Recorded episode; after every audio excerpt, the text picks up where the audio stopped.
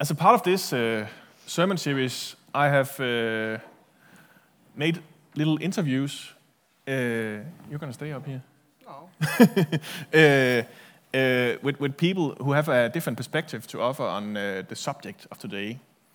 And today I thought it was a great, great chance to also uh, have a different cultural perspective than my own on commitment. So, so now I'm going to invite Shima Miri to stage. Uh, Shima is an Iranian refugee.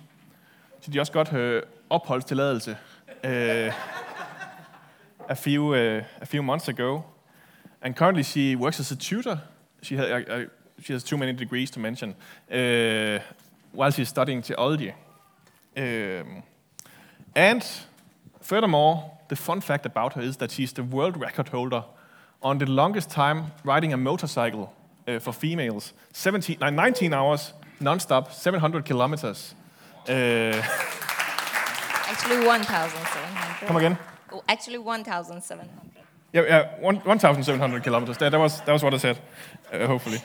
Um, so she's a biker as well, uh, loves her Harley. Uh, and Shima, the first question has to be, what does it take to stay on a motorcycle for so long? Passion? Passion. Yeah. That was what kept you through when your wrists and your everything hurt. Yeah, because, you know, uh, for me, I love challenges. And especially if someone tell me that, oh, that's impossible, I am going to catch it. To prove that no, nothing is impossible. If I want, I will catch it and I will do it. Okay. Yeah. So And you've, you've, you've, you've tried uh, to, to, to take the, the world record from, from, from away from the men as well, right? Like, but you, you want to do that, but you failed Yes. one time. Yeah, I had an accident during my last uh, record that I wanted to do. And After driving for how long? uh, almost after 1,000 kilometers, because I wanted to, at the beginning, I wanted to do the 2,700 kilometers in 24 hours. And then I had an accident that everyone said that, oh, that's an awful thing. And, but for me, it was really good because that accident that everyone thinks that, oh, it was a very bad situation, very bad things happened to you. I always say that no, because it made my husband to become a Christian. Okay. Right the time that I was full in blood, he asked me from Jesus, so then he mm. became a believer. Yeah. And tell us the story about how, how you became a Christian, a believer. Christmas. Christmas. yeah. Uh, I, I born in a Muslim family, so automatically I born as a Muslim. Uh, but uh, because I was a very naughty and uncontrollable child, so uh, my parents asked uh, from one of our fa- uh, friends' family to take care of me, and I guess that I was around four or or five years old. My birthday is on first of January, so when I was there and they were uh, started to decorating for Christmas and I said that, oh, is it for my birthday? You, are you preparing for my birthday? Yeah. And they said that, no, it's uh, Jesus' birthday, so we want to celebrate. I said that, oh, I love Jesus. His birthday is same as me.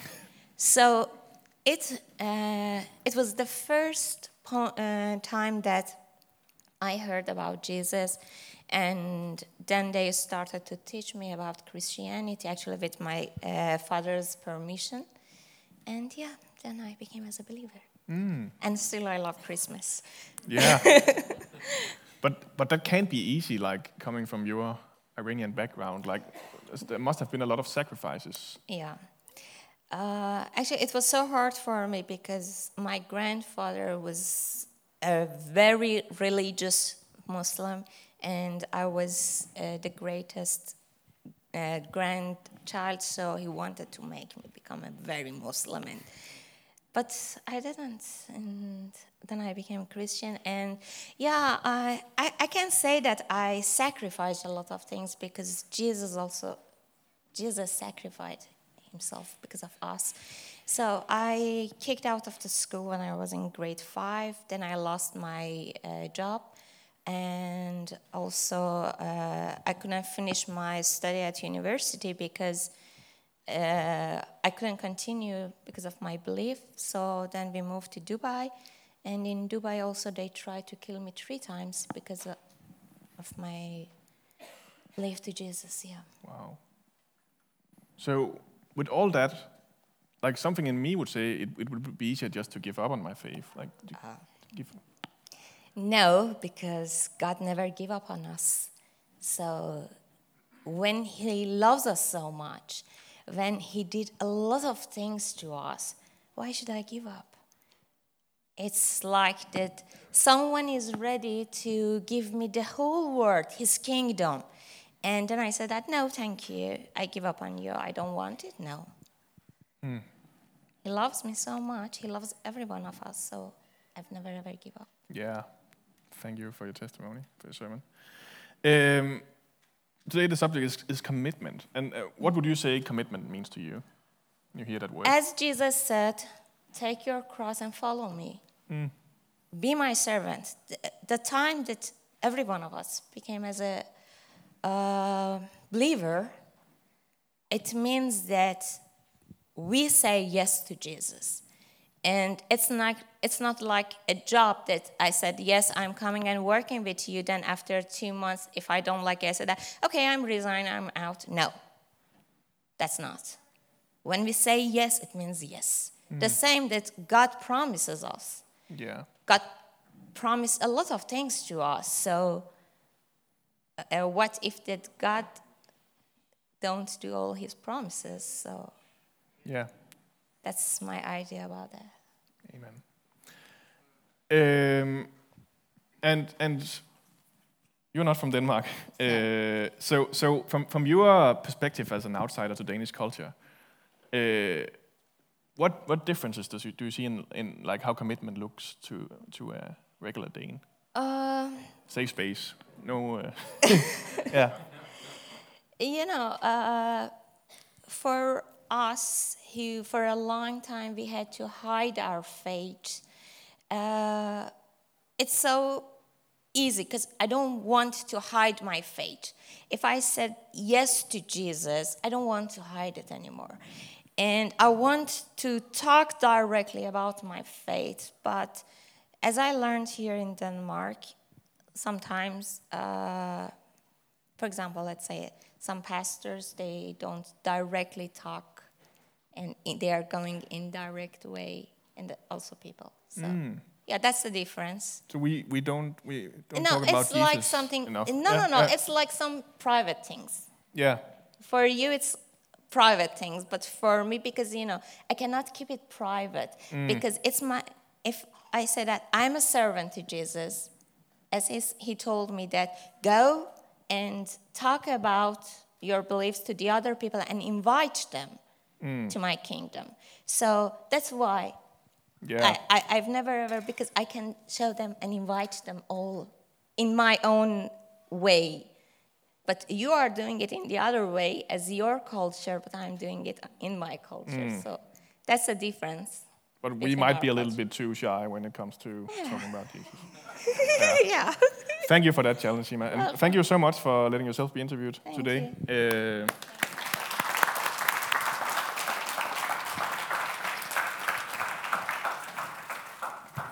uh, and now uh, Louise is going to uh, read the text that's going to be uh, preached upon today. Uh, we're actually going to talk about the whole book of Nehemiah, the story of how a wall was built. Uh, and that's going to be the metaphor for talking about commitment today. But uh, Louise is just going to read a small sample of the story from chapter 6, and she'll do that now.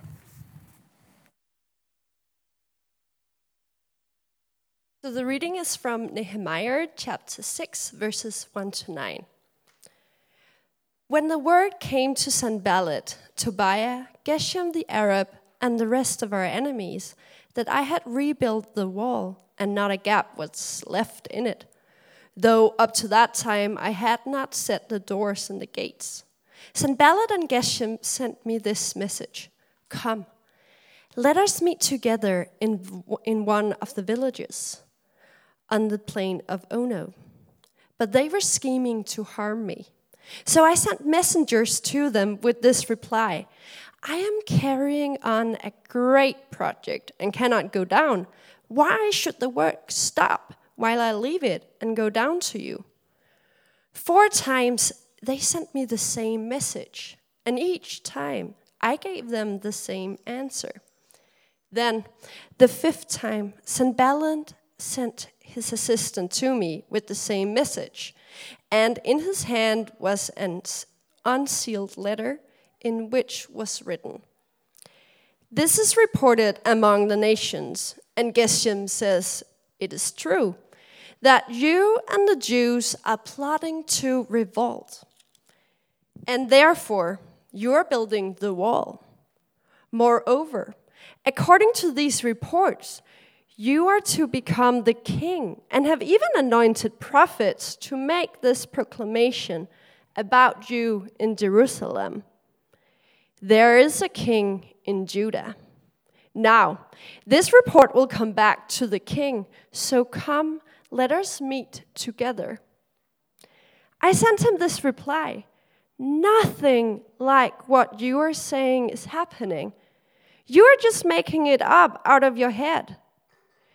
They were all trying to frighten us, thinking their hands will get too weak for the work and it will not be completed. But I prayed, Now strengthen my hands.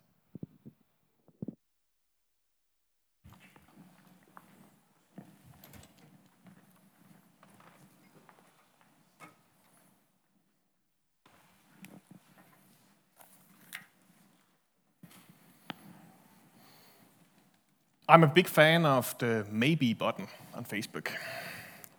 Uh, whenever I'm invited to a, to a big event, uh, to, a, to any event for that matter, it's just great to be able to say maybe. I'll be there. So, and, and, and sometimes it's for good reason. Sometimes the calendar needs to, to go together. But most of the time, it's just because I really don't want to commit uh, yet. Something better might turn up or I might just discover that I don't want to go out that evening. Or like I'm, a, I'm an introvert. Uh, I might I might figure out in the evening that I'd much rather stay in and watch Netflix. And uh, I believe I'm not the only one uh, who's a fan of the maybe button. It's it's it's it's not that unique as a as a young Dane uh, to to feel that way. All around society, people lament this, uh, this development everywhere. Like football cl- clubs start, struggle to find coaches. Uh, team sports are suffering because it's too much of a commitment to too many other people. Uh, it's much easier to just go to the gym when you, when you feel like it. Uh, there's no one you're accountable to there. Relationships are struggling. The divorce rate is 50%. And, and the excuse is often something like, I just didn't love her anymore. Uh, and so, so, so whenever things get rough um, and the initial excitement isn't there anymore, people just separate. Uh, why, why should I stay when everyone else gets to, to live their life, live in freedom? And, and these effects seem to be multiplying on themselves all around society. Even churches seem to have a hard time getting people to commit the consumer mindset has snuck in. And churches are probably to fault uh, themselves for that as well. When we just put up a show with no real opportunity to interact or be part of what's happening, uh, when it's just about sitting on your pew and uh, watching and enjoying the show, like that, that's, that erosion uh, happens there as well. And it's a grim outlook and, and uh, just this analysis in itself is so common by now that it's almost a cliche uh, at this point. We know it's wrong, but we do, really don't know how to change it. Uh, and that's why we felt the need to look at commitment for our sermon series on, on, on, on subjects whom we think we, we might have forgotten the value of. What is the value of commitment? Most of us like the idea but we have also been let down so many times that it's hard to commit to anything. The erosion has come from the inside as much as from the outside. Most of all, I believe, the crisis of commitment in our culture is due to the endless possibilities. There's always something or someone better out there, something more interesting than what we are currently doing. and the whole world is just a click away. The great Danish philosopher Søren Kierkegaard uh, talks about this phenomenon, phenomenon. He calls it the despair of possibility. The endless possibilities lead us to despair and anguish. Uh, we're never satisfied. Uh, and, and Kierkegaard also writes about the antithesis to this, which is just as bad the despair of necessity, a life without freedom or possibility. Every choice being already determined for you by someone else or by necessity. Uh, the example being the starving mother in the 1800s, where Jesus uh, Kierkegaard lived uh, with, with seven kids. She has to spe- spend every waking hour to try and feed. Uh, all her life is about the necessity of this. No freedom, no opportunity, no possibility. Um, and therefore she despairs over this necessity, uh, probably not even being able to, to live up to that. And Kierkegaard suggests that life has to be a synthesis between possibility and necessity. If we, lack one, we despair. Uh, this is practically impossible. But today, we are going to study one of the great servants of the Lord, Nehemiah, to see if he has a way of doing this. In the book of Nehemiah, we see both possibility and necessity, most of the latter, though, uh, in action. We only read a small sample of the book today, but I will sneak in the whole story today. The story about how Nehemiah built a wall. I know that has some uh, unhelpful connotations today, uh, building a wall, uh, but, but uh, this wall was actually a good idea. Uh, let me say it that way. Uh, this building a wall works as a fantastic and very simple metaphor for all the commitments we have in our own lives. So, this is the story of Nehemiah. Nehemiah was a Jew in exile who served the high king Artaxerxes in Persia, and he was his private wine taster. So, in some ways, he was living the sweet life, rising above his station, and wine tasting, it must be a fun job to have, right? Uh, but then he receives the news of the state of his people back in Jerusalem how they suffer, how they live in dishonor, and how the once great city, Jerusalem, has burned down and the walls are in ruins. When Nehemiah hears this, he's overcome with grief. He cries for days, starts fasting, and prays to God. He praises God, he confesses the sins of Israel, and he asks for mercy and help in rebuilding Jerusalem and help in convincing his master to let him go and do that. Nehemiah, he knows what he has to do. He has seen a need so deep that it has taken him by his roots, and he has to stay faithful to that calling he has received. He's committed to his cause, and that is what the book of Nehemiah is about. In all it, and all the joys and hardships it entails to stay committed to that. He convinces the king to let him go, and he returns and convinces the Judeans as well to start building. Everyone is in. Everyone wants to return to Jerusalem to its former glory, so its, its inhabitants once again can live in safety. But already here we meet Sanballat, Tobiah, and Geshem for the first time. They are there to taunt and harass the builders. What are you doing? What are you going? Are you going to rise against the king? What's happening here? This doesn't get to Nehemiah, however. The Lord will let us succeed, is his answer. The book of Nehemiah is a hard book to read. It's not really like a lot of other stuff in the Bible. It is somewhere between a, a diary and a work report. Uh, Nehemiah writes down his innermost thoughts, but he also mentions all the names of the people who built that and that gate. We get to hear which family took responsibility for building the gate of fishes and the gate of sheep. Uh, and and it's, it's kind of like when you don't really know where the gate of fishes are, you, you, you kind of uh, fall off uh, when you read it. Uh, but this is a book where Nehemiah is not trying to claim the glory. He's sharing it with the people who actually built it. And as they start building the wall, Sanballat and Tobiah become increasingly angry as they see it rise above, uh, above them. When the wall is built to half height, they start to actually plan an attack on it uh, to prevent uh, it from being built. But they're not really very great at hiding their plans, though. So uh, the word quickly starts spreading around Jerusalem.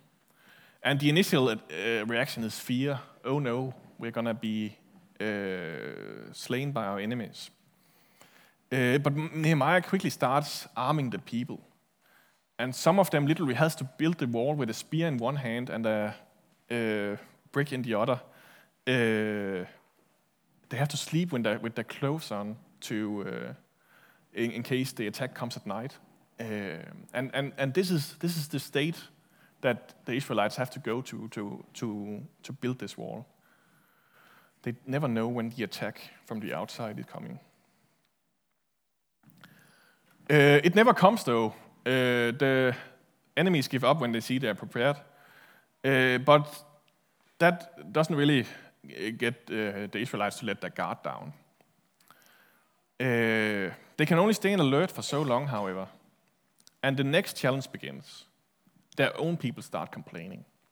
They work so hard that the people have, have to starve and give up their own farms and take loans, uh, sell their children into servitude.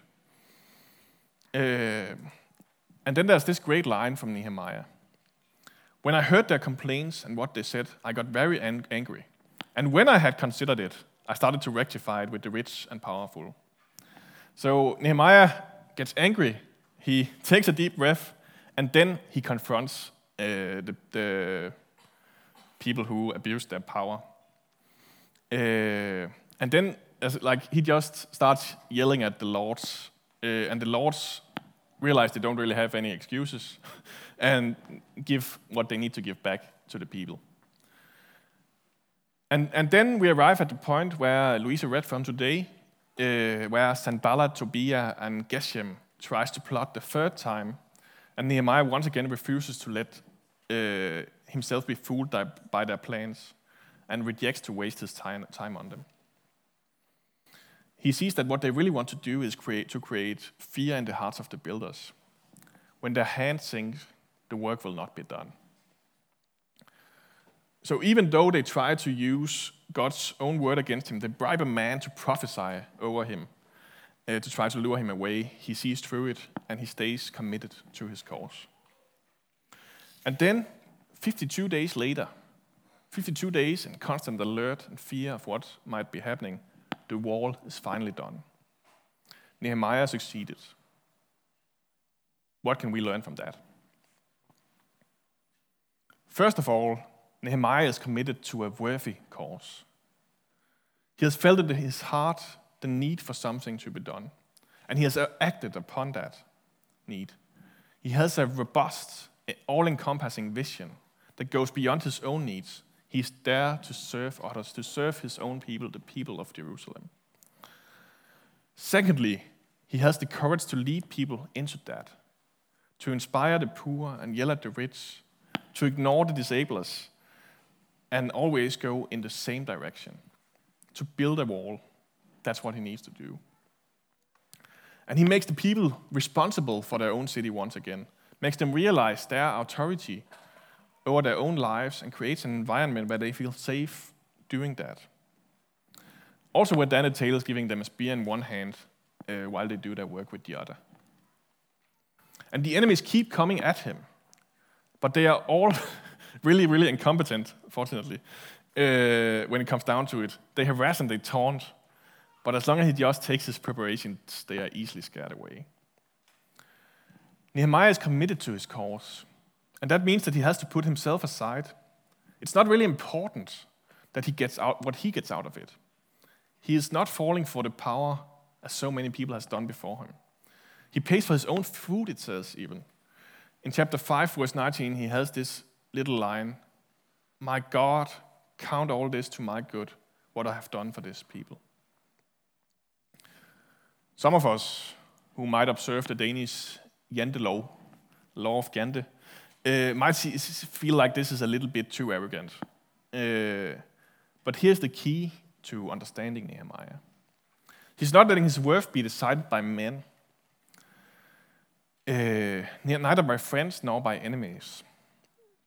God is the one he's doing this for, not for recognition by man. This is his necessity, the constant on which he makes his choices.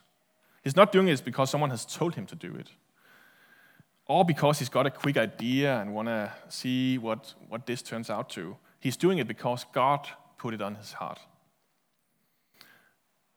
And that is why he can continue through all this pain, continue to find new possibilities when things look the most hopeless. That's how he stays away from despair, always living with necessity into possibility. I don't know if I've ever been in a situation that was close to what Nehemiah went through. Um, the sacrifice of moving to Aalborg won't, won't quite cut it. Uh, but I've often felt myself being letting down, dragged down by, by trying to satisfy other people's expectations of what I should be like and what I should do. Or even just my perception of other people's expectations. It's probably not the last time that happens, but I'm starting to realize that if I try to work out of anything else than my identity as a child of God, it leads to nothing. If I let anything else than God's standard be the standard for my life, it leads to misery.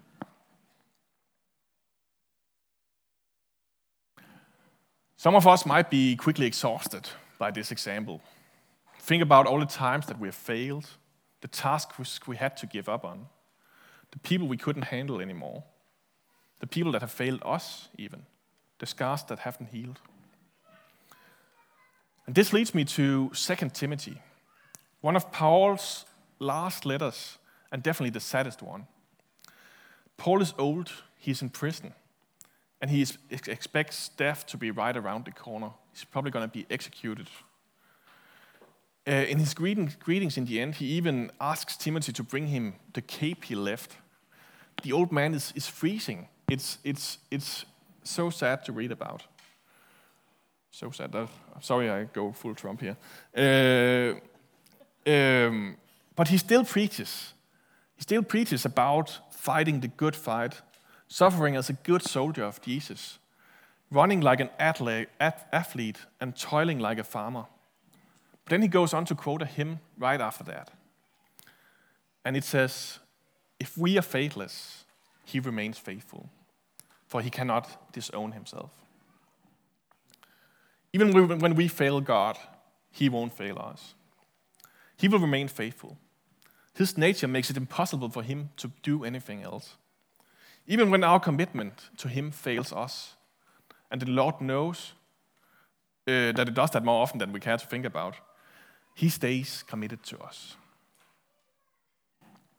We see that uh, with the disciple Peter, the brash, unabashful leader of the disciples, always quick to make promises and speak up and be the most committed one in the group.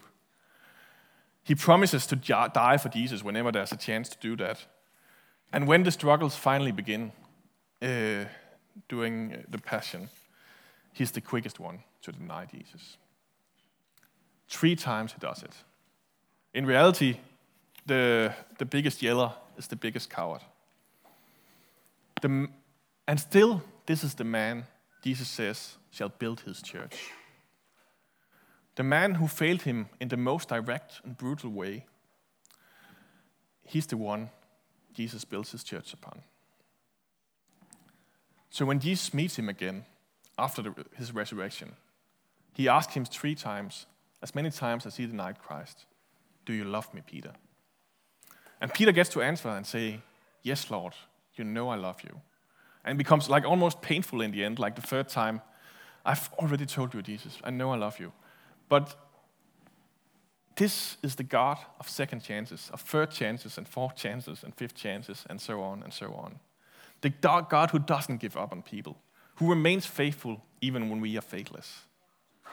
The God who, who, yeah, who stays faithful to us, always committed to us when our commitment fails. So let us pray. Lord, we thank you for your love, for your faithfulness. Pick us up when, you let, when we let you down. Give us faith when we are faithless. Help us commit to a life in your image, to fight on for a worthy cause, to endure the pain and suffering. Give us a cause like Nehemiah. Give us the strength to follow through. Help us stay committed in our relationships, in our tasks, and what you have put on our hearts.